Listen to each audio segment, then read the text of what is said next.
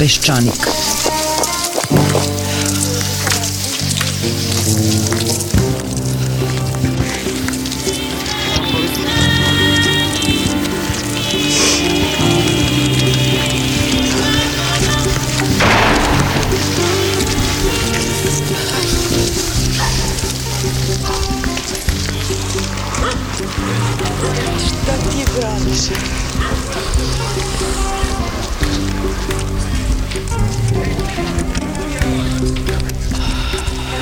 Peščanik.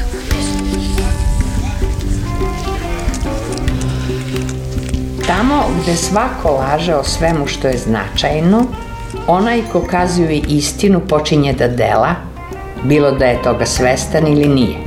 Tako se i on upliče u političku delatnost, jer u slučaju da preživi što nije sigurno, on započinje promenu sveta. Verovatno je i do vas doprla vest da je u Beogradu ove nedelje otvorena izložba Bogujevci vizualna istorija. Na domaćim televizijama smo uglavnom videli kordone policije, mladiće naoružane šubarama i poganim jezikom, premijera Dačića koji obećava da će, kao i do sada, raditi na tome da svi počinnici zločina budu procesuirani i videli ste troje bledih i nemih mladih ljudi iz porodice Bogujevci, Jehonu, Sarandu i Fatosa. Danima uči otvaranja ove izložbe raspravilo se i to u takozvanim normalnim medijima, jer ovo drugo džubre neću ni da pominjem, raspravilo se dakle o tome da li je izložba u stvari albanska propaganda ili provokacija. Pa čak i da jeste to bila namera ovo troje sada mladih ljudi, a te 99. dece od 10 i 11 godina, a nije, Posle masakra 14 članova njihove porodice, među kojima je bila i jedna beba od 21 meseca i starica od 72 godine, morali bi pognute glavi da ćutimo i da trpimo. Svi. Na čelu sa premijerom. Jedino što ga može opravdati, njega i sve koji ne znaju šta se desilo u dvorištu te kući u Podujevu, je da nisu informisani. Zato idemo od početka – Iva Martinović je za Radio Slobodnu Evropu razgovarala sa našim ovonedeljnim gostima Bogujevcima i u sledećih pet minuta će vas obavestiti ili podsjetiti šta se desilo tog proleća 99. u jednom dvorištu u Podujevu. Saranda, Jehona i Fatos Bogujevci troje su od petoro dece koji su 1999. preživeli masakr u Podujevu. Tada su pripadnici rezervne jedinice srpske policije Škorpioni ubili 14 članova njihove i porodice Durići, decu i žene. Najmlađe dete bila je beba od 21 meseca. Najstarija žena imala je 72 godine. A police car stopped in front of the, the house. Policijski auto se zaustavio ispred naše kuće. Izašli smo napolje i premestili se dublje u baštu. Nešto kasnije pojavili su se neki vojnici i odveli nas u susedno dvorište. Otac i ujak u tom trenutku nisu bili sa nama.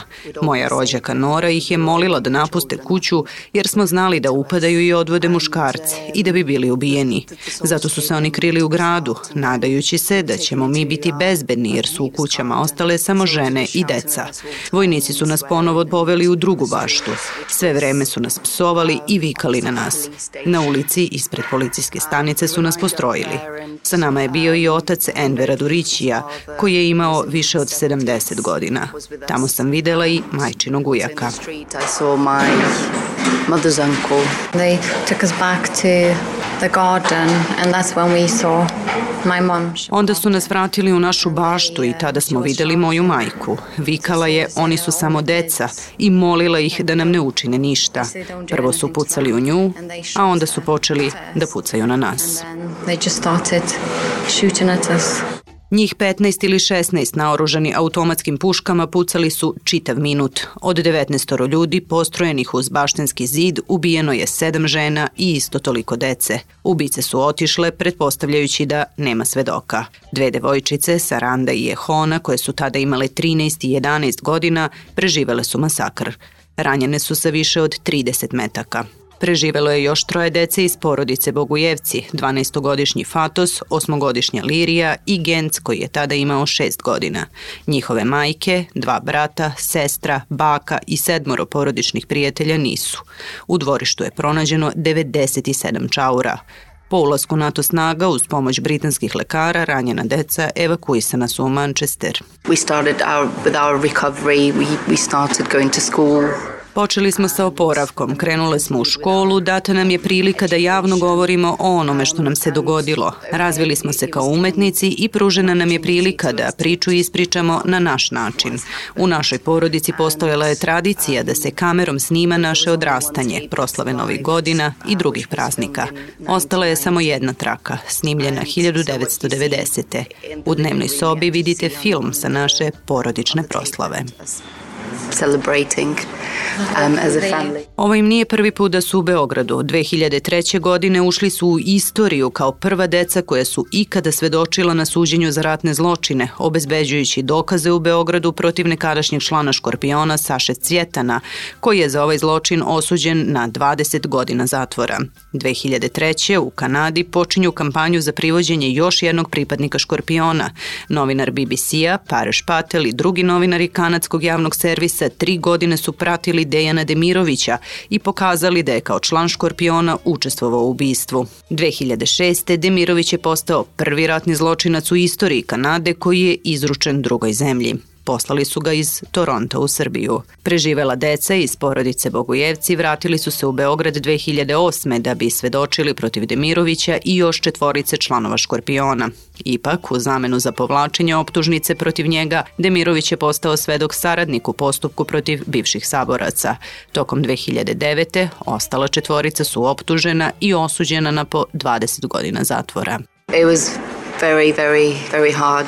Um, Bilo nam je veoma teško zato što smo morali da se vratimo u to vreme i da se suočimo sa ljudima koje smo videli u dvorištu. Bilo je veoma teško i to što niste mogli videti nikakve emocije kod ljudi koji su to učinili. Ali kada smo počeli da razmišljamo o izložbi, osetili smo da je veoma važno da ispričamo našu priču i u Beogradu, u nadi da se neće zaboraviti ono što se dogodilo hopefully not forget what has happened. Nedavno su saznali da je moglo biti 15 ili 16 škorpiona koji su učestvovali u Podujevskom masakru. Zbog toga se za porodicu Bogojevci borba nastavlja. Put od njihove dnevne sobe, dvorišta u kome je izvršen masakr, do Beogradskog suda za ratne zločine gde su se još jednom suočili sa ubicama, prikazali su izložbom Bogojevci vizualna istorija, omaž svim porodicama i žrtvama rata. Na izložbi je, dok se nije pojavio Ivica Dačić i održao govor, bila i Biljana Srbljanović. Meni je ta izložba pre svega značajna, umetnički moram da ti kažem, stvarno. Ja sam otišla tamo na tu izložbu zbog toga što su to organizovali ljudi iz Artefakta i kulturnog centra koje ja volim poštujem, pa kao sam otišla na neki način kao neku vrstu podrške, a pogotovo u trenutku kada su poslednja dva, tri dana pred samu izložbu, prvo ona bila zabranjena u jednom trenutku, otkazana u stvari, to jest otvaranje je bilo kao otkazano, a izložba može da stoji, pa su to poništili, pa je bila drama oko toga, pa pritisci na kulturni centar i tako dalje, znači bio potreban jedan ogroman napor te žene, mi je David da to istera, i uopšte pre svega stvarno tih umetnika da dođu tu, tu celu atmosferu. Negde gde se nadiže neka stravična gužva i frka na jedno ozbiljno umetničko delo. I onda sam ustanovila da tu postoji nekoliko nivoa nerazumevanja između mene i ovog društva.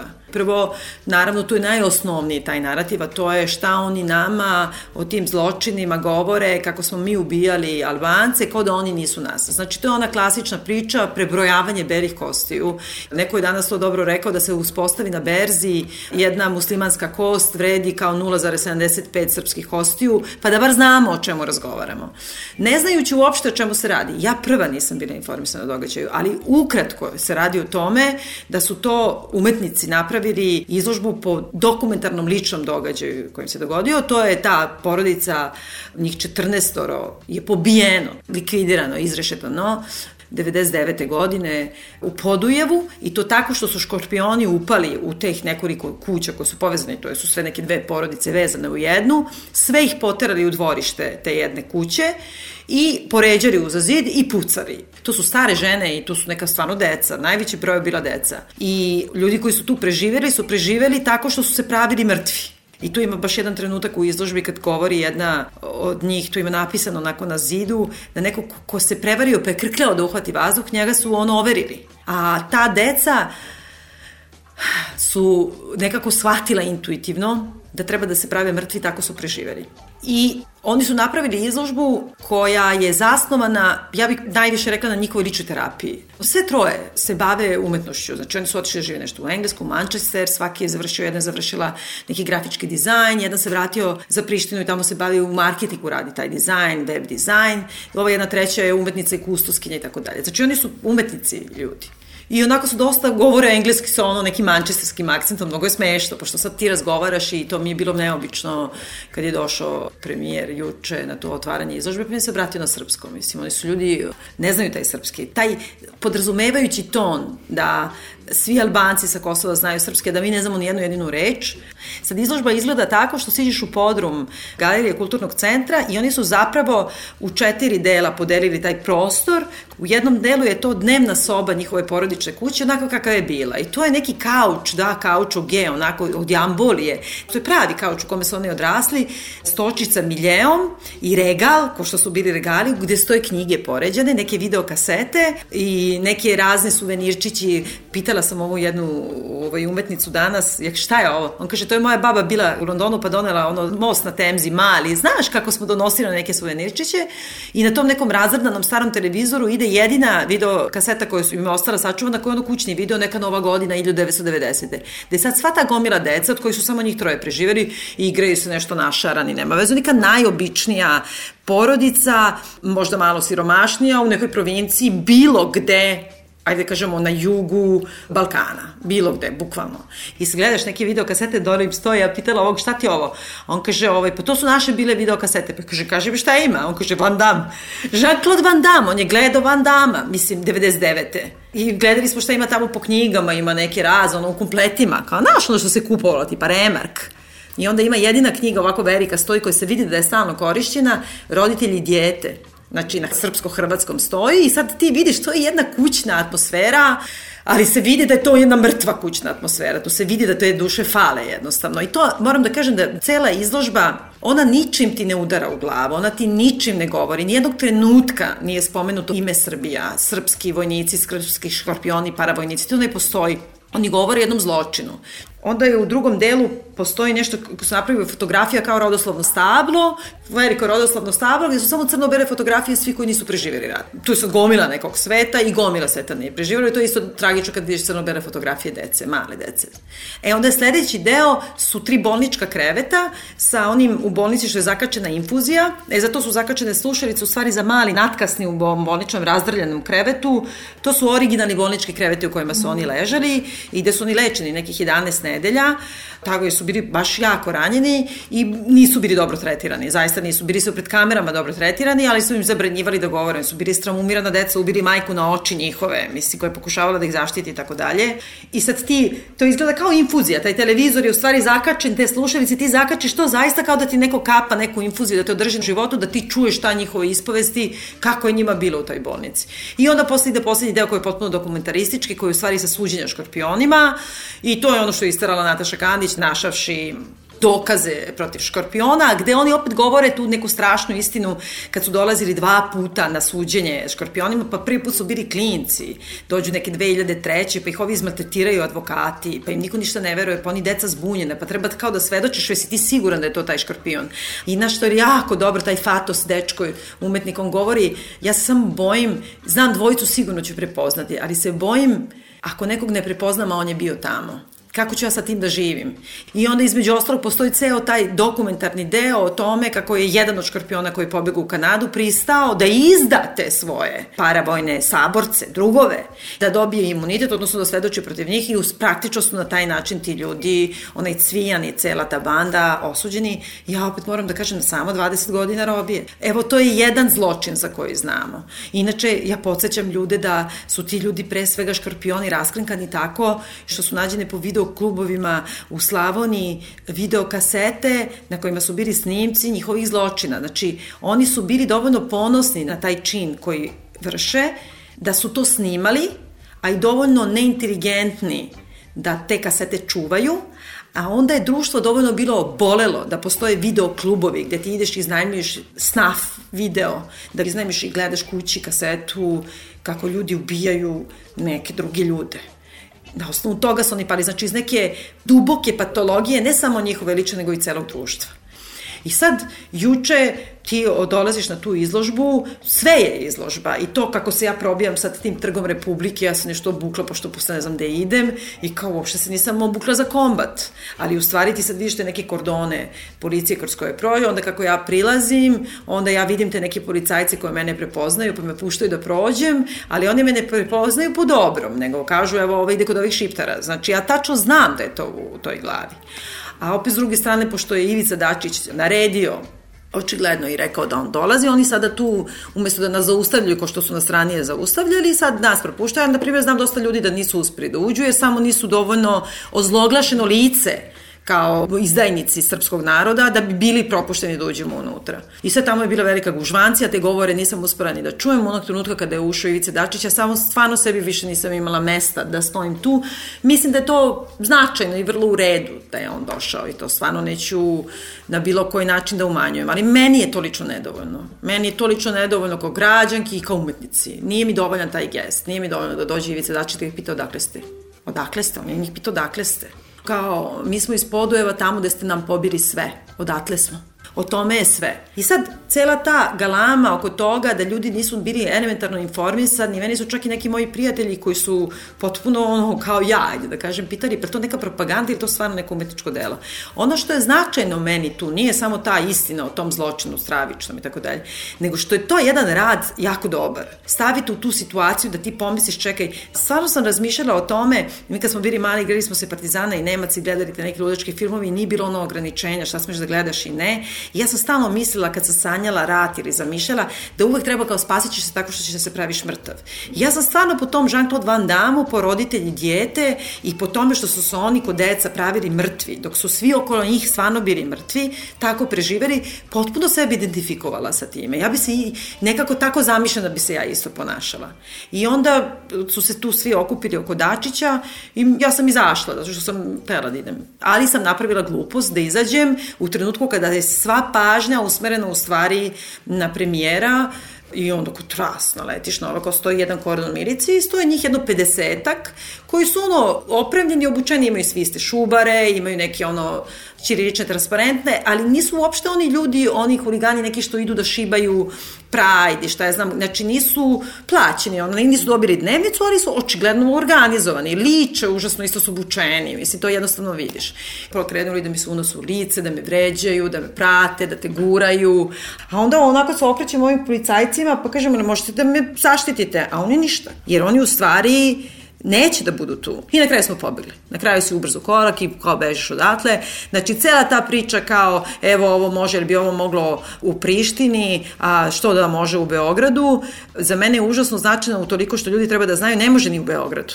Jer u suštini da nije bilo te policije, da nije bilo možda nas tu kako se naguralo, jedno 200, unutra to je ta količina interesa. Ja sam danas ponovo išla da pogledam izložbu i bila sam sama dole. Ja ne znam da li bi mogla takva vrsta izložbe sa druge strane, sa, za neki zločin protiv neke, ne znam, srpske porodice i tako dalje, da se održi u Prištini. Ako ne bi mogla, tim gore po Prištinu i tim bolje po Beograd, što ova izložba ipak može da se održi. Znači, taj argument tih svih kao neutralnih, nezavisnih. Njih i umetnost ni ne zanima. To su ljudi koji nikad ne bi ni otišli da gledaju.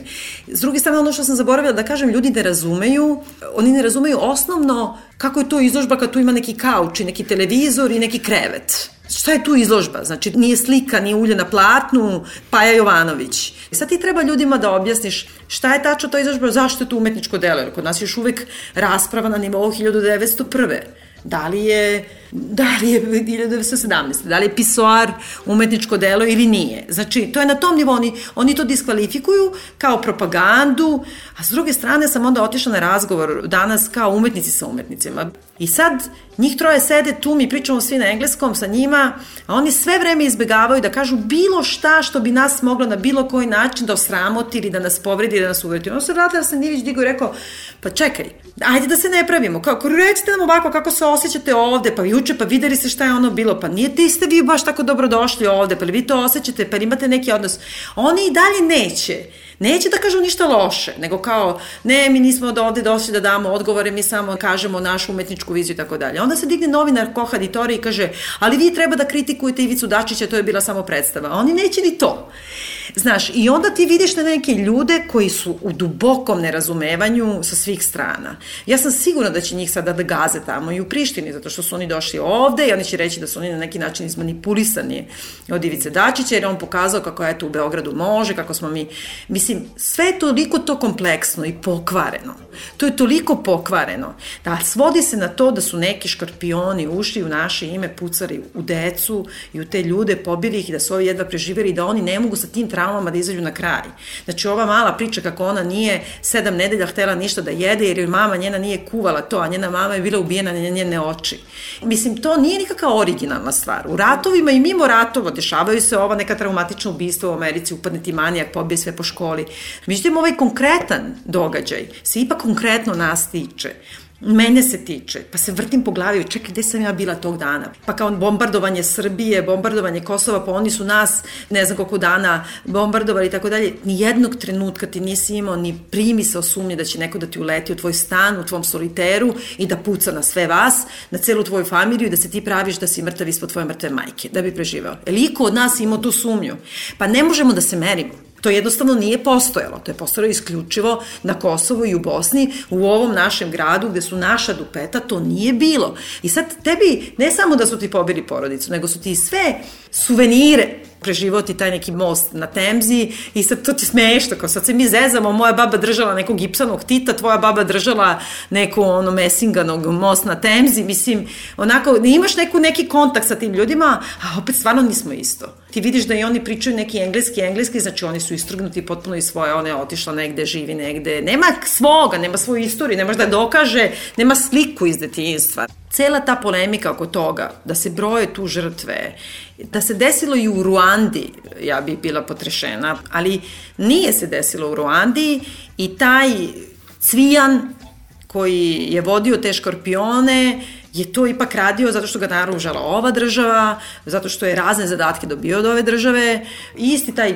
predsednik vlade koji je otišao tamo i pokazao e, razumevanje, oni su rekli nama je užasno e, stalo do toga zbog toga što on nas prepoznao kao žrtve. Ali on je rekao, žao mi je svih žrtava. Njima je bilo dovoljno da on kaže, uopšte, žao mi je ono, ja sam za mir u svetu, njima je to već dovoljno. Ali mi ne možemo zaboraviti i dan danas možemo da pročitamo te njegove intervjue gde on govori 99. 2000. 2001. 2002. nije bilo zločina protiv Albanaca na Kosovu, to je strana, to je šiptarska propaganda, dajte mi jedan dokaz. I ja, dokle god ne čujem tu rečenicu u kome se prizna, jeste, nek slaže, nisam znao, nek slaže, nisam znao. Sada znam, sada vidim i ja, evo ovo ljudski, kako se ja ljudski osjećam prema tome, povlačim sve što sam rekao do sada E dok to ne osetim i ne vidim, meni taj gest njegovog dolaska neće apsolutno ništa značiti i nervira me što je sve u senci toga, što je to jedno opšte ushićenje i sad svi odjednom na društvenim mrežama, na Twitteru, na Facebooku, ono pre svega raspravljaju o tome da li Dačić veliki heroj ili uopšte umazali su celu tu stvar. Mislim da je ono važno da se on pojavio, ali isto tako bi bilo mnogo važno da je stajao negde diskretno, a ne bio praćen i da nije rekao njima odakle ste. Da ne kažem da sam ja otvorila sad tu knjigu, ono utisak kad mogu da vidim šta je neko napisao. Neko je došao na tu izložbu sinoć na otvaranje i napisao dobar šiptar, mrtav šiptar. Onda je neki drugi uzeo, požvrljao, žvrljao, žvrljao, pa rekao sorry, sorry, sorry, hiljadu sorry ovako. Napisao, znači, da se mi međusobno, građani jednog grada, međusobno svađamo preko knjige utisaka jedne izložbe tih ljudi koji nekako malo stoje iznad toga, a oni će tu knjigu poneti, jedan opšti utisak mi je jedne velike inferiornosti, jedne velike inferiornosti društva, da ljudi u stvari ne zanima šta je to tačno, da, da neko nema potrebu da nekako stavi to na televiziju. Idi, brate, snimi tu izložbu, još snimaš Dačića. Snimi šta je to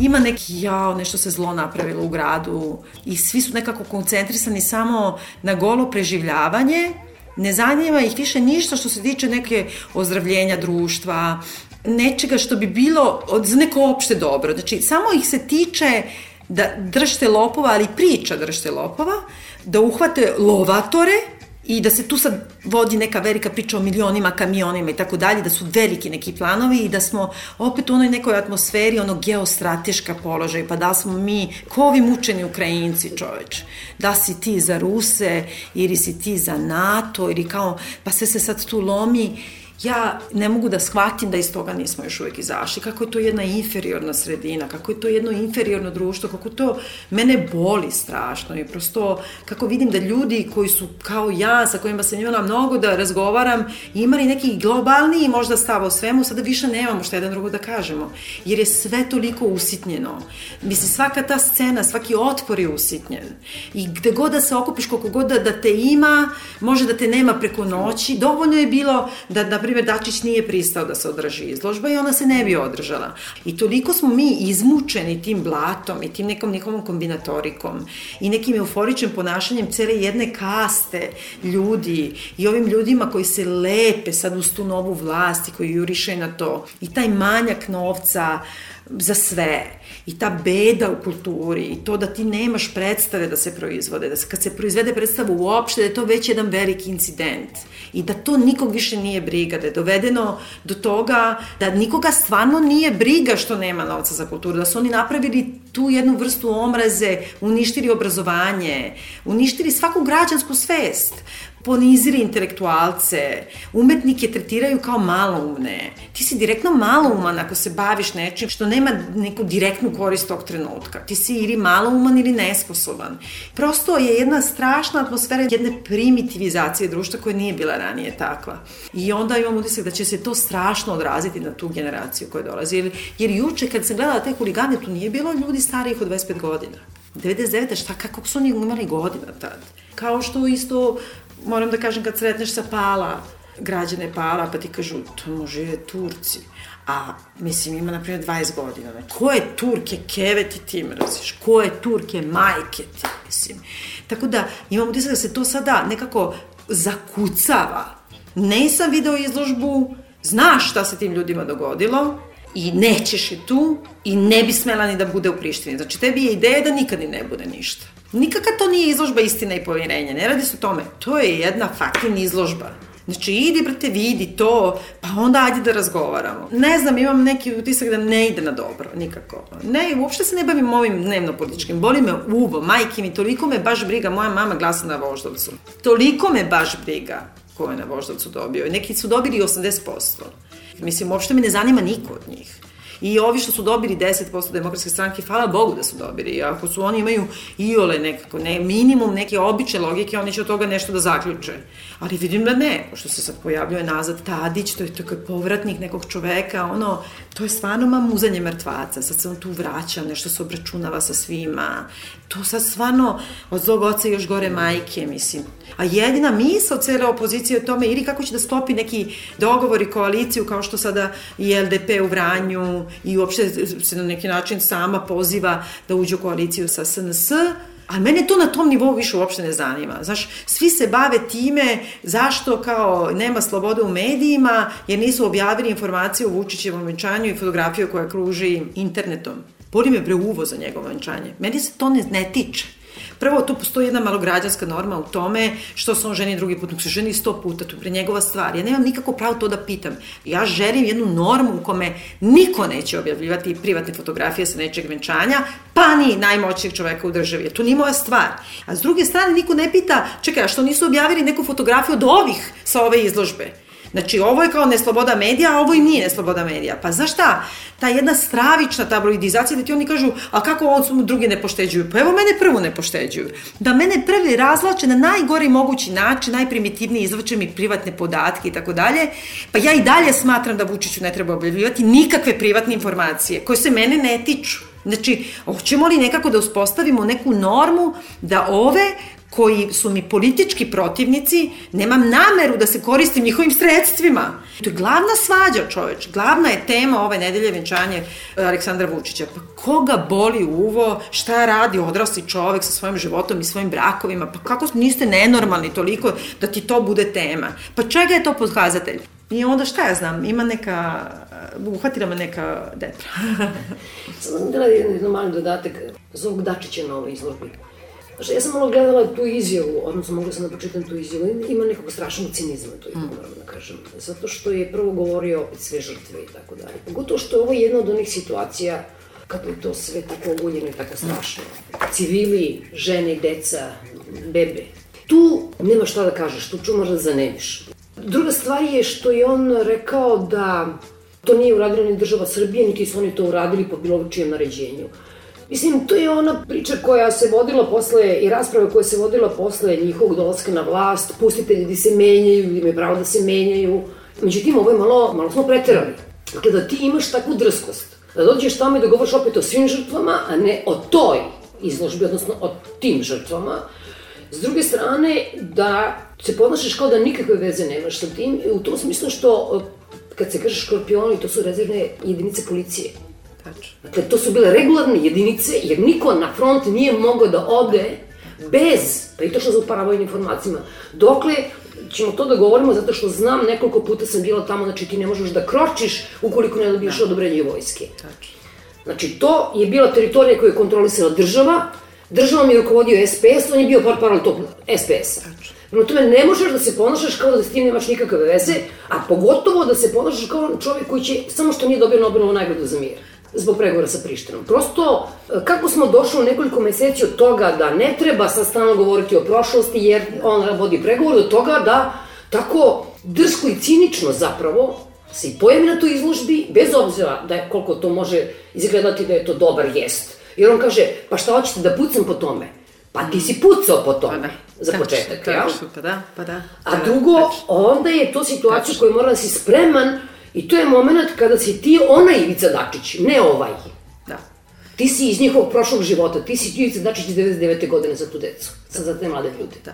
Tačno, sve je to potpuno tačno. Ja nemam ništa protiv da i uopšte polažem duboku nadu u ljudsku promenu. I smatram da je to nekako u ljudskoj prirodi, inače da nije tako ne bi svi da se poubijamo. I volela bih jako da je taj čovjek zaista doživao preobražaj i ne samo, ne, ne zanima me Ivica Dačić u suštini, nego mislim ti ljudi, to što simbolizuje Ivica Dačić, da su ti ljudi zaista doživjeli preobražaj.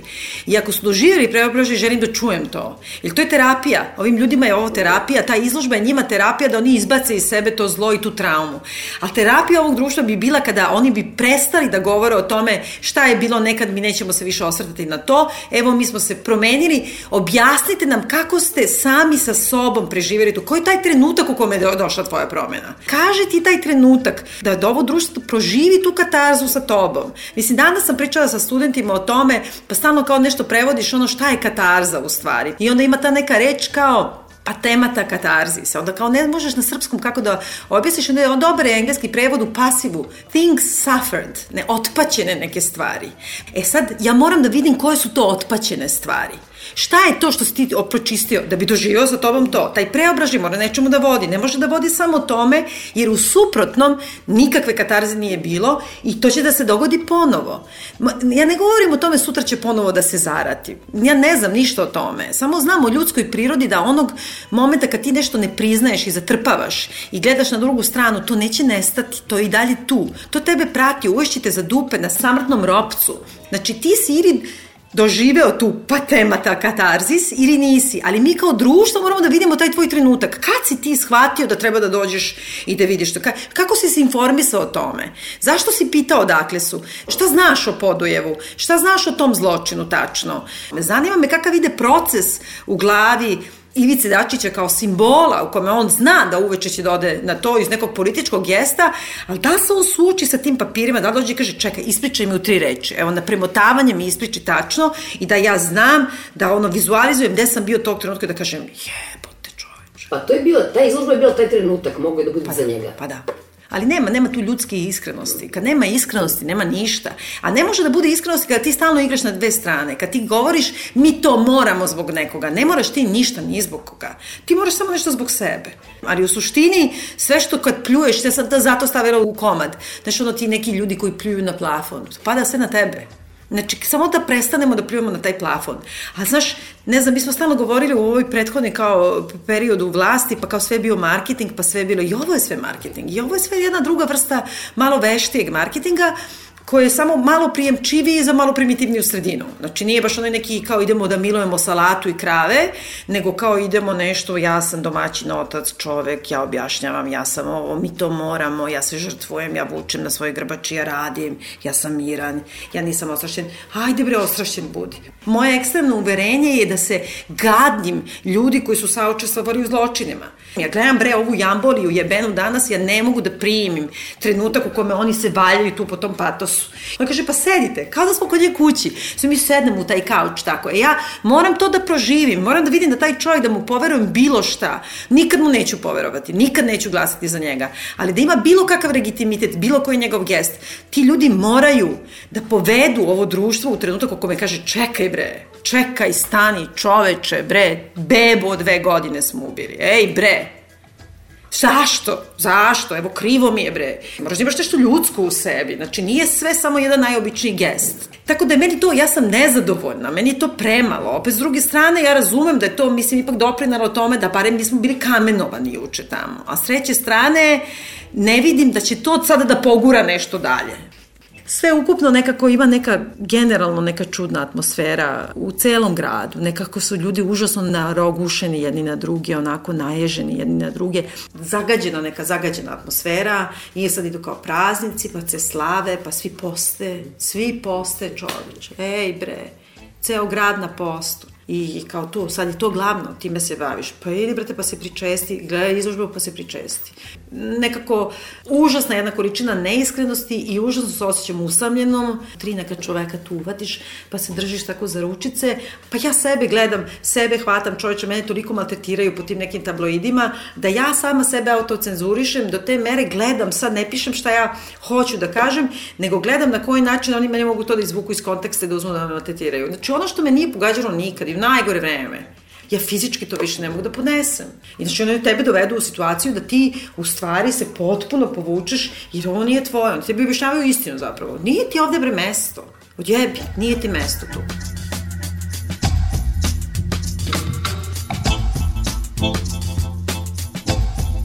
U nastavku današnje emisije slušate profesor ekonomije na Filozofskom fakultetu u Beogradu Miodraga Zeca prvo i osnovno i bazično pitanje koje ovde nije rešeno, kakva se to država želi? Mi smo imali neko malo iskustvo sa građanskom državom između dva svetska rata.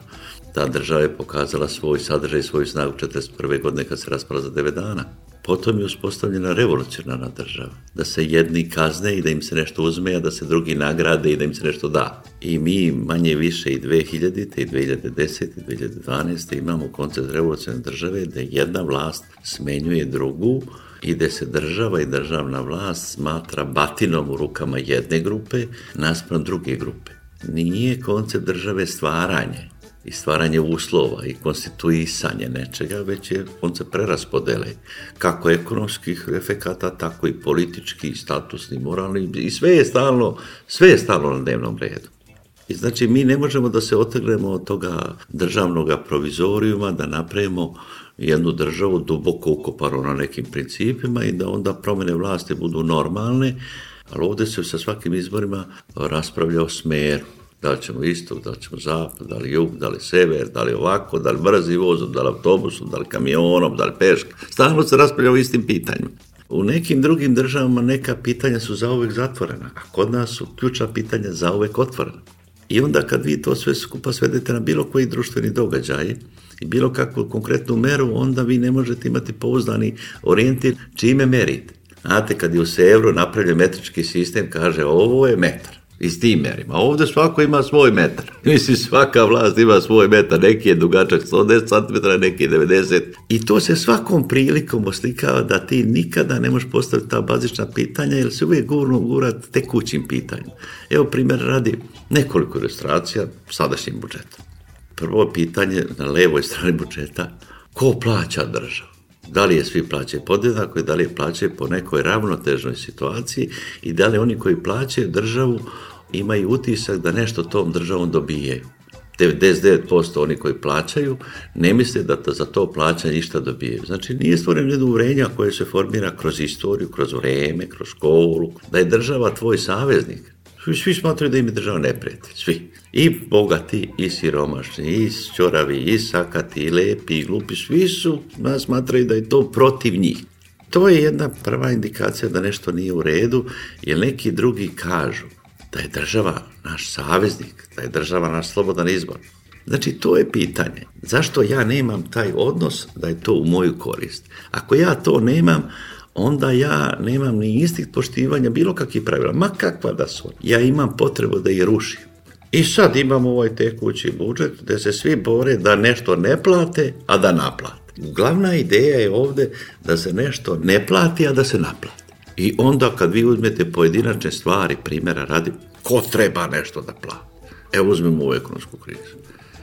Francuzi kažu treba da plate oni koji imaju najviše, jer je ona baštini tradicije, revolucije.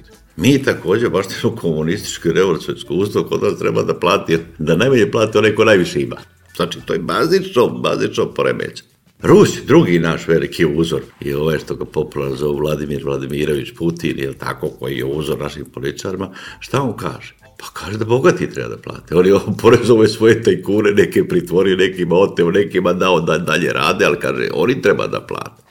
Šta je rekao Vladimir Vladimirović, pošto on ovde izaziva strahopoštovanje, jel?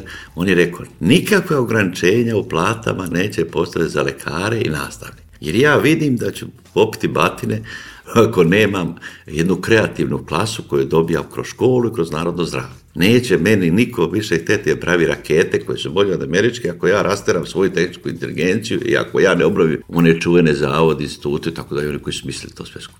Ja sam propao. Znači on kaže, nastavnik, znači onaj koji proizvodi čoveka i koji ga leči. Taj je target društva. Šta kaže naša vlada? Naša vlada naša da oporezuje jedne ostatke neke ustavno rečeno nacionalne elite.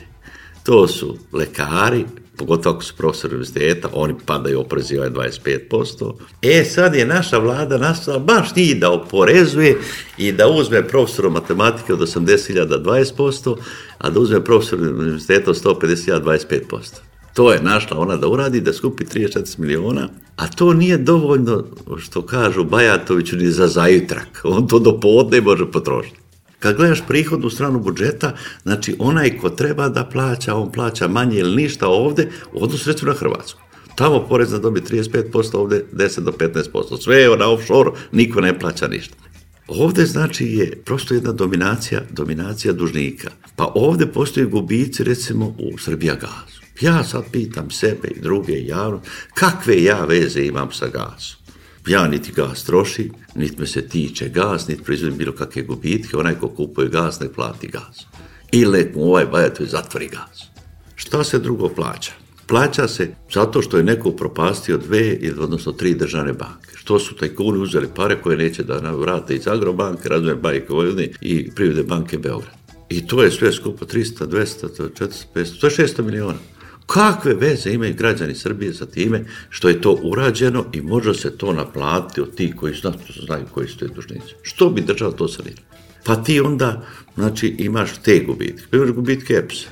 Pa ljudi ne plaćaju struju, imaju dugove struje 5-6 miliona i onda oni da i namole da plate, oni kažu plate bar 40%. Penzioner, običan građan koji plaća svakodnevno račune, kako plaća pre roka ima 5%, ako ne plaća nikako ima po 60% to su ludila koja proizvode jedno potpuno patološko stanje. Pa onda je da idemo dalje šta rađa. Imamo predsjednika, odnosno direktora Poreske uprave koji jedno vrlo stidljivo i sramežljivo pismo, kao da piše devojčica, piše nekoj Mari, zašto ona ne, plaća porez za pljeskavice. Znači, neplaćanje poreza ovde je jedna visoko ocenjena delatnost koja se ničim ne kaže, da je najnormalnije da niko neće da plaća porez. Znači, i ako imate taj sistem da država amnestira ne platiše, plaćat će sve manje i manje i na kraju ostaće samo jedan u zgradi koji plaća kiriju i struju i da on plaća 1000 dolara, to sistem će se, sistem će raspati. A nastrano to što je 100.000 ljudi zaposleni u EPS-u, kažu da ima 15 sad novi PR-ova poželjni lica, Ovaj slučaj što je nastao 100.000 ljudi za koje se nije znao, pa to je zaposleno u zadnja dva, tri izborna kruga, nije to zaposleno pre nove ere, nego se prosto su se i ovi izradili, prvo su zapošljavali svoje ljude i oni i ovi. I onda se čude odakle i toliko. I onda je rečeno sledeće. Aj sad dve godine nećemo zapošljavati nikoga. Kad smo se mi zaposlili, mi nećemo zapošljavati. I onda šta će biti za dve godine? Za dve godine će biti administracija samo starija, nefunkcionalna i verovatno neće moći provesti ove evropske integracije. Ti koji su unutra, oni treba će novi koji ovo rade. Znači mi čekamo sad da ovi pomru što su bili tamo i da se ta stvar reši. Država nastaje onoga momenta kad se izgradi dostojanstvo državnog činovnika. Znači ti u nekim drugim državama, Austrija, Nemačka, imaš dostojanstvo državnog činovnika i njegovu kompetenciju. Ne, ti si razvalio državnu upravu, razvalio se državno zdravstvo, ti si ograničio plate lekarima, gde oni dodu? Pa samo mogu dodu u Sloveniju, što će otići ovi najbolje, nama će ostati ovi koji dobijaju svakodnevno doktorate na poznatom univerzitetu iz Donjene dođije, gde se daju, više se tamo doktorira ljudi, da sad ne kaže koje je mesto, ali kolokvijalno ga nazovemo Donjane dođije, jel? gde više doktorira ljudi nego na Beogradskom univerzitetu ili na bivšim svim univerzitetima u Jugoslaviji. Znači, to što smo uradili u zdravstvu, to što smo uradili u školstva, to je ambrozija koja se neće moći rešiti, koja će potopiti ovu državu. To su ta najopasnije stvari što je urađeno dugi niz što čak ni komunisti nisu radili. Ovdje se je desio potpuni obrt. Komunisti su stalno jurišali na Beogradskoj univerziti. Međutim, univerzitet imao je snagu nekako da se odobre, pa nisu mogli da provale. Nisu mogli da provale, ni Mira Marković nije postala profesor Beogradskog univerziteta, nego nekako je ufunjala se na geografiju, to su smislili, to tačno. Ali ni ona nije mogla da prođe. Međutim, naši političari, oni prosto imaju tu patologiju da, da budu doktori nauka, kao da je politika to zahteva. Ne. Ako je knjaz Miloš bio nepismen, pa stvorio srpsku državu. Ako je Broz bio bravar, pa napravio mega državu koju se sad svi kao dive. Ne vidim zašto je Tomo Nikolić išao da je u školu 60. godini, mogu ostati građevinski tehničar i sasvim je to regularna stvar. Ali ta patološka potreba da razvalimo ovaj sistem, pošto ne možemo razvaliti, sad ćemo mi formirati alternativni sistem. I da predsjednik Skupštine izjavi da pored svega ovoga što se na Kosovo treba ojačati univerzitet Kosovskoj Mitrovici, jer u njemu studiraju ljudi iz Srbije. Pa to ljudi iz Srbije ne studiraju u Kragujevcu, u Beogradu, u Novom Sadu. Ako već treba da studiraju, što bi ljudi išli subotce da studiraju ovaj, u Kosovskoj Mitrovici da, da kao menadžer opšte prakse da se vraćaju. Što je potpuno besmisleno. Ama baš potpuno besmisleno. I sretno je društvo u kome svako ma šta radio, on je zadovoljan. A ovdje ima situacija da nije niko zadovoljan. Oni koji su na selu mrze ovi u gradu, ovi u gradu preziraju na selo, ovi koji su na vlasti mrze ove opozicije, ovi su opozicije, hoće da pobiju ove na vlasti. Ovdje imam jednu opštu nesreću da nemate zadovoljnog čoveka odavde sad da idete do, do vranja. Svi su nešto nesrećni. Kako je to moguće? Znači, kontekst, e, jedan, jedan društveni metabolizam je potpuno je, ovaj, maligan i on proizvodi strahovite distorzije. Ne zna se kome je gore. Bogati plaču, još su vrelije suze. Sirotinja plače. Prethodna vlast ganja ovu vlast. Ovi samo se spremaju oštre nož kad dođu da ih podave. I ovo je, znači, jedno potpuno osustvo koncepta. Ovo liči na jedan vašarište. Znate, ja više puta govorim kako Srbin pravi kuću. Kako pravi svoju kuću, loše, onda je i državno napravi još loše. Pa kako pravi? Da neko da hiljad dinara za plan, ma ni govor. To se sastane, tu je pivo, tu se prase okreće, tu se odmah svađe, kopaj vamo, kopaj tamo, ujna, strina, tetka.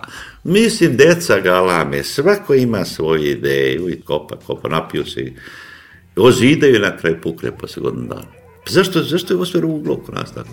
Pa čujem da se Google izgubio u Kaluđericu. Znači, kad se Google izgubio, traži pomoć od NATO pakta. I ovi iz avijana vade taj autobus da izađe iz Kaluđerice. Ovo je jedno totalno vašarište.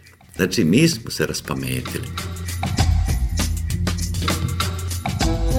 Pa što ne bi neko mogo da operiše nešto u Beogradu? Hoćemo sad svi se pretvoriti kako god nekome se desi, samo skupljamo pomoć, idemo u Austriju. Ovde ne možeš više zub izvan. Ali kako ćeš to raditi kad svaki ministar misli da će se lečiti u Ženevi, a naš će ovde kasapti ko stigne? Kad ova ide da operiše nokat Tomica u inostranstvu, šta ja za nešto mu sušća ko se ne, ova ide drugi i tako dalje. Koji su to sto najbolji srpski dečaka i devojčica koji završe medicinu? Pa mi kupimo spravu, ne zna niko čitati. Pa kupimo spravu, pa pošaljemo dom zdravlja u Donje Stepojevcu, ljudi odaju kod toga oko indijanci oko vatre. Besmisleno, pa sto najbolji sudija, ako zatreba pravda, pa sto najbolji profesora, pa sto najbolji vatrogaca, pa policajaca.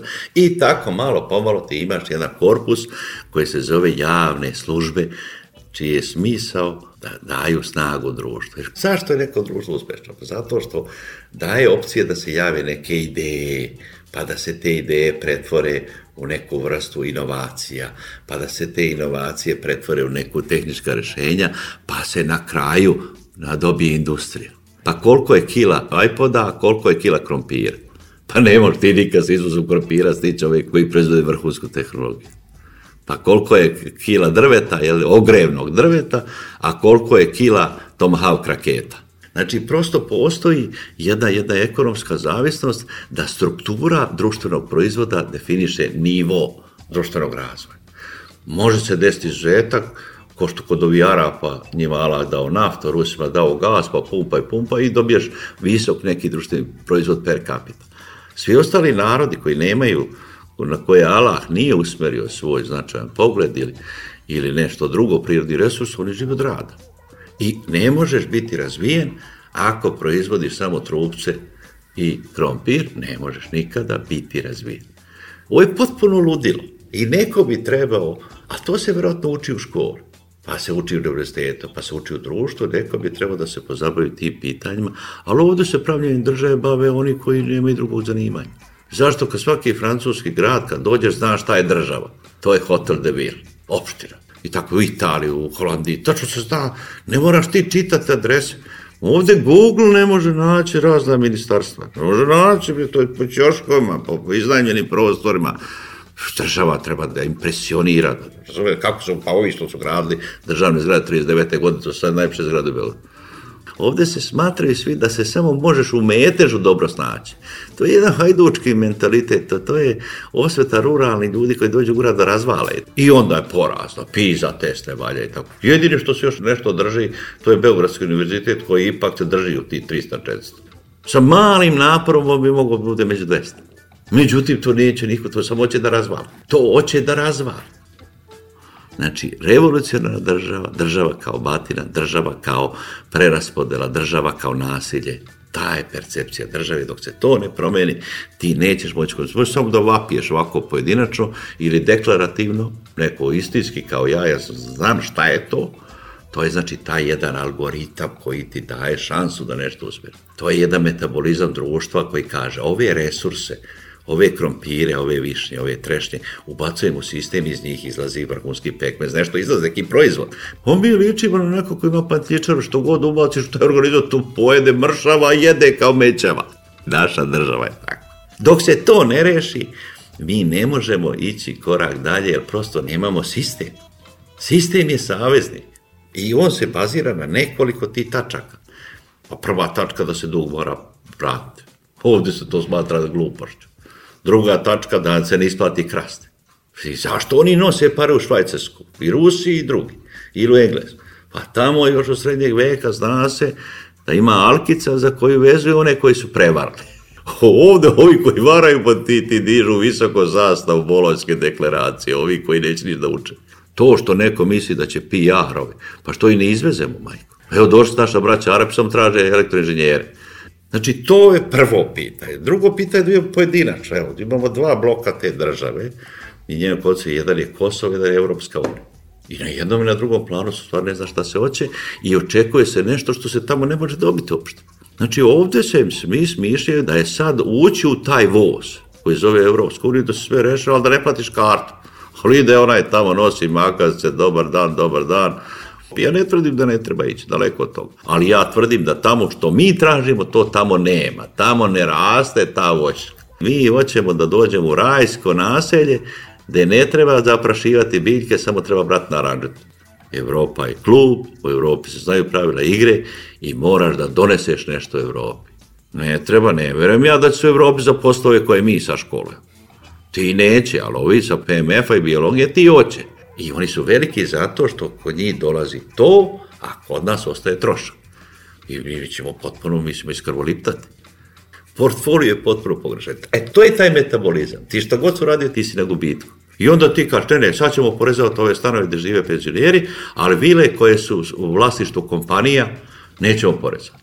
I naši bogati ljudi, oni nemaju potrebe da imaju platu, nikakve poreze ne plaćaju. Njima je vila kupljena na prezeće, jahta na prezeće, žena na prezeće, ljubavnica na prezeće, dobit u Kipru, nikakve oni porezke obveznici nisu. Već da kaže, aha, sve poreze jednu korpu, pa progresivo porezoti, da je to socijalna država, ako ti tvrdiš da imaš socijalnu državu, ako ti hoćeš da imaš latinsko-američku državu, onda je to, to druga država.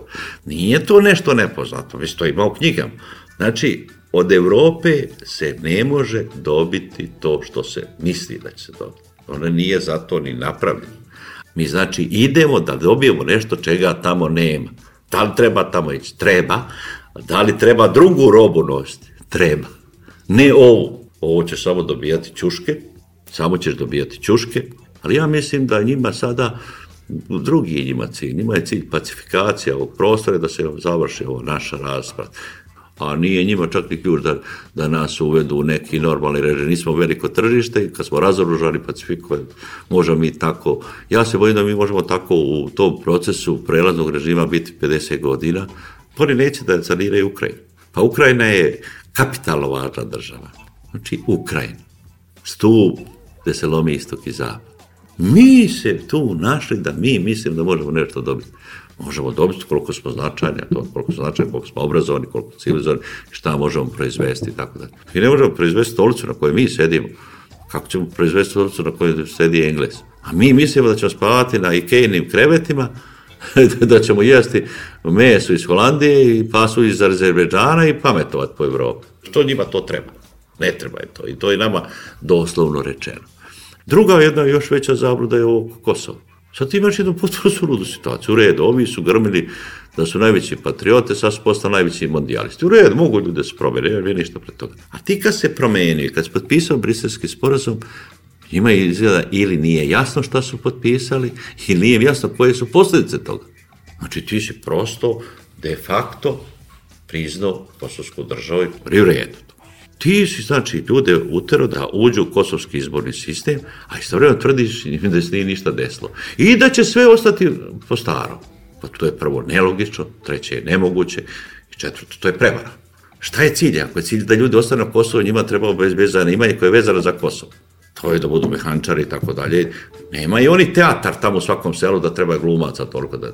Ako je cilj da oni ostanu na Kosovo, ako je cilj da se školuju, pa mogu da školuju u Srbiji, pa nek studiraju filozofiju, sociologiju, ako su talentovani, ako su dobri. Ne, ti ćeš tamo ostivati fakultete bez veze i sad predsjednik skupštine kaže, ne, ne, to treba ojačati, jer još nismo svi doktorirali koji smo partiji. Ne znam šta je koncept ovog gospod Vulina koji ide dole. Znači, ta dva bloka, evropski blok i kosovski blok, moraju se ozbiljno redefinisati i mora se tačno znati šta se od toga očekuje, koliko para treba dati za to i kakva je mala neka izvestnost da se ti ciljevi ostvari. Ovako ćeš stvariti potpuno suprotne ciljeve. Dobit ćeš u Evropi, jer to su ukino carine, ne do posticaj. I nećeš moći ništa da trguješ. Na Kosovo ćeš dobiti rashode, a nećeš, ljudi će se isiljavati. I ti ćeš na medicinskom fakultetu na kraju dobiti invalidne stručnjak, ti i ovde nemaš uslove da Ako je tako dobri fakulteti, što ne možemo, što radimo svako drugo dete, šaljemo inostranstvo? Što ministri idu u inostranstvo ako je dobro? Ma prvo bi ja njih ovde, da se oni praksaju, da idu u bolnicu u Kosovsku Mitrovicu. Tamo oni da se operišu. I to kod ti kojima su oni dali da budu direktor. Zašto francuski predsjednik ne sme da, da, da se vozi nego Citroenom i Peugeot? Ne možemo sad Mercedes. Jer ako ovo sede Mercedes, onda šta će mu Peugeot? Šta misli sad da Obamu dovedemo da se operiše u Bukureštu? Želim englesku kraljicu da ovde dovede u Vreljačku banju. da ne da ona to. Ne može to tako. To je Royal Hospital i ona se tu leči, pa šta je bude. E zato ona misli da to treba biti dobro. E to je država. Znači ta dva bloka mislim da zahteva, sad se misli da se nešto rešilo, u stvari ne zna se, ne zna se koji koncept. I onda na kraju sve gubiš, sve gubiš, gubiš, gubiš, a istovremeno nemaš prihoda. I Srbija živi od implozije od urušavanja. Porodice se smanjuju, ostaju neke nekretnine, sa svimi se prodaće ovo gde mi sedimo za 500.000 evra, hoće đavol da dobije 100.000, bit će dosta, pa će sutra 50 i na kraju umiru. Od velikih familija ostaje 1, 2, 3, iseljavaju se ljudi i Srbija živi od urušavanja. Od urušavanja živi Srbija. Sad će neko praviti ovde zgrade, to Dinkić, što se kaže, ja ću praviti 5.000 stanova. Za koga? Za koga? Stanovništvo svake godine manje 30.000. Pa ne mogu postati grade bez industrije. Grad jeste industrija. Ako nemaš industrije, nema ljudi razloga da živi u gradu. I tako da i tako da. Zato ja kažem da je država ključ. Bez tog rama nema slike. Pa Rim kad je pravio državu, more ulice tačno da idu tako. Da ima provetravanje, da ne smrdi u gradu. Vi kad pogledate Pompeju, pa to je urbanizovanije nego danas bilo koji grad u Evropi. Zašto? Zato što je Rim nosio emancipatorsku državotvornu ideju. To je sud, to je pravo, to je novac, to je grad, to je urbanizacija, to je vojska i tako dalje. Država ima, ima neku ideju. Ja ne vidim koja je ovde ideja ove države, sem to, sjaši kurta da uzješ i murta i dok ne zbace i ovoga i dok svi ne prođu kroz poniženje. Što se više dižu, poniženje će biti veće.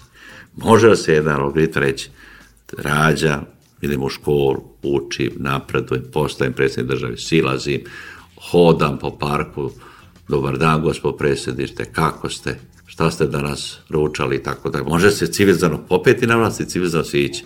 Morali svako da se penje kao u zlijanu i da od ozgo zbace, ko, ko onaj koliko sovora kad otpade, pa bubi od ozgo.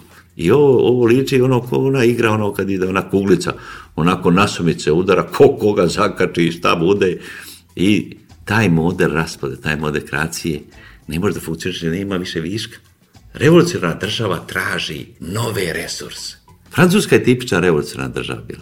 Kad je napravljena francuska buržovska revolucija, to je revolucionarna država, kad se narod naoruža i kad počeo da upada. To je ta revolucionarna država. Pa na kraju su da se svi međusobno pobili, 200.000 ljudi završilo na giljotini, da se toliko narod bio oteo kontroli, da je došao Napoleon, da je morao da ih povede do svoje da ruše druge, pa Italija, pa Španija, pa Austrija, udri, udri, udri dok nisu smrzli u Rusiji, dok nisu popili batine. I dok se taj revolucionarni talas ispraznio. To su opasne stvari. Trebalo bi to proučavati, a ti stalno zaigravaš sistem redistribucije i ono dođe do tebe, on dođe. Nema on kod dalje ići. On je do Miškovića došao. Jer mi revolucionarnu masu ne možemo povesti na Berlin. I ja to stalno govorim, dajte ljudi, pre napravite institucije. Napravite da sto najboljih studenta prava zauzmu budu sudije. Pa ako vam bude trebala pravda, negde se može potražiti. Vama, nama treba presuda. A presudu ćemo dobiti tako što stavimo svoje ljude. Pa neće ti vama suditi, po Bogu, brat. Pa neće sad Miškoviću suditi njegovi, nego neki drugi. Pa nekom drugom miks, ne njegovi, ako se ovako nastavi. Zašto se svaki pad sa vlasti završa opštim poniženjem? Zano treba da vas sad provlače, ne kroz veš mašinu, nego kroz blato. Pa je vredno to toga. Ali ključ je u sistemu koja ti ne da toliki otklon da mora se revolucionarno završavati. Znači, i demokratija je, ako nema prosvećenoga državotvornog elementa, često bude karikatoralna. Pa imaš izbore glasa 20% ljudi i od toga ti dobiješ 10% i onda, onda kinješ sve ove druge. Pa nema države koja je uspela ako njeni ljudi žele da iz nje pobegnu. Ti moraš stvoriti uslove da kažu ja želim da živim u Srbiji. Zato onaj tamo Americana deca pevaju Bože, hvala ti što smo u Americi, šta ja znam. A ti ovdje imaš situaciju da se god ko našao, on je nesretan. I regionalno i statusno. Šta je problem živjeti na ovoj varoši? Kad onaj tamo kaže, e, lepo je živjeti na Alpima. Onaj tamo jodluje, on ne seli se on već 400 godina sa onaj čuke Austrije. Pa neko ko poželi, onda on dogura do Beča, pa do klinike, pa operiše srce, ali ne svi. Ovo je jedno potpuno ludilo. Jedno jedino brdo, sad svi ćemo živjeti na dedi, pa šta ćemo sad na dedi? I ovo sve što ja pričam je se uči kontinuitetu nekim društvima dugo, dugo vremena. Pa onaj tamo kaže, Rockefeller, ne dam ja da ti mažeš maslac duplo na hleb. Imam ja pare, ali ne da. Pa Warren Buffett kaže, ja imam 50 milijardi, ali neću ostati svoje dece. Već ću vratiti humanitarno. Ne. Ovde svako misli da će svoje čukunuko bezbedno dođe revolucije sve mu otpo, još ga ubio. Ovo je zemlja u kojoj redko ko živi u kući svoga dede. Redko. I moj najveći utjecaj iz srednje škole kad sam video da niko u razdu nema živog deda. Kad je učiteljica rekla nastajte svoga dedu, ni dede, ni slike. I onda ti imaš tu patologiju stalno, a nemaš kontinuitet. Ona je tamo slaže, slaže, slaže i za 300 godina kada je sad smo trg napravili. Sad smo domo završili. Bo kod nas bi bilo na katedrali Milano 17 vrsta nadgradnje. Jer bi to tako bilo. Jer on je sad na vlasti, pa bi to on, on bi umesto oltara, tu će Vabđinic otvorio. A ovaj kaže, doneli su odluku 13. veka, ali do 18. mi smo gurali tim pravcem i gurali smo i to smo dogurali. To jeste država. Država je složen, vrlo komplikovan proizvod ljudskog društva. Napraviti državu je najteže. To se pravi mnogo godina, A ovde se misli da to se može sklepati za tri dana i kako je napraviš, tako je odmah razvaljuješ. I svaka promjena vlasti ovde se više baviš razvaljivanjem, ne imamo mi dogovor sa sobom šta hoćemo. Ja mislim da je to najvažnije pitanje. Sve ostalo su detalji i iz toga proističe. Proističe sve ovo. Vi ne možete biti sretan u nesretnom društvu. Mi smo mala i siromašna država, a ovde se ponašaju ljudi kao imperatori. Mala država mora biti satkana na sasvim drugim principima, da bi bila funkcionalna, da bi bila uspešna, da bi bila udobna. A Srbi ne zna napraviti kuću koja je udobna. Napravi veću nego što mu treba, pa ne može da zagrije, pa ne može da zastakli, pa ne može da stavi krov, pa ne stavi fasadu po 300 godina, na kraju umre, smrzo se. Tako i državu ne može napraviti. Malo, funkcionalno, udobno, kaže, ja volim Srbiju. Evo, ja baš i kad bi mogo ne bi otišao. A ovde, deca, čim se rode, čuju da treba bežati. I to je put koji vodi samo jednom pravcu. Bio je ovo poslednji peščanik u ovoj godini. Sledeća emisija je 24. januara, a umeđu vremenu mi ćemo pokušati da stvorimo uslove da preživimo i sledeću godinu. Sve ostalo je budućnost za koju nema indicija da postoji. Naravno, naš sajt će raditi kao da je sve u najboljem redu. Do sledeće godine pozdravljaju vas Svetlana Vuković i Svetlana Lukić, a vi budite dobro koliko god možete. Peščanik –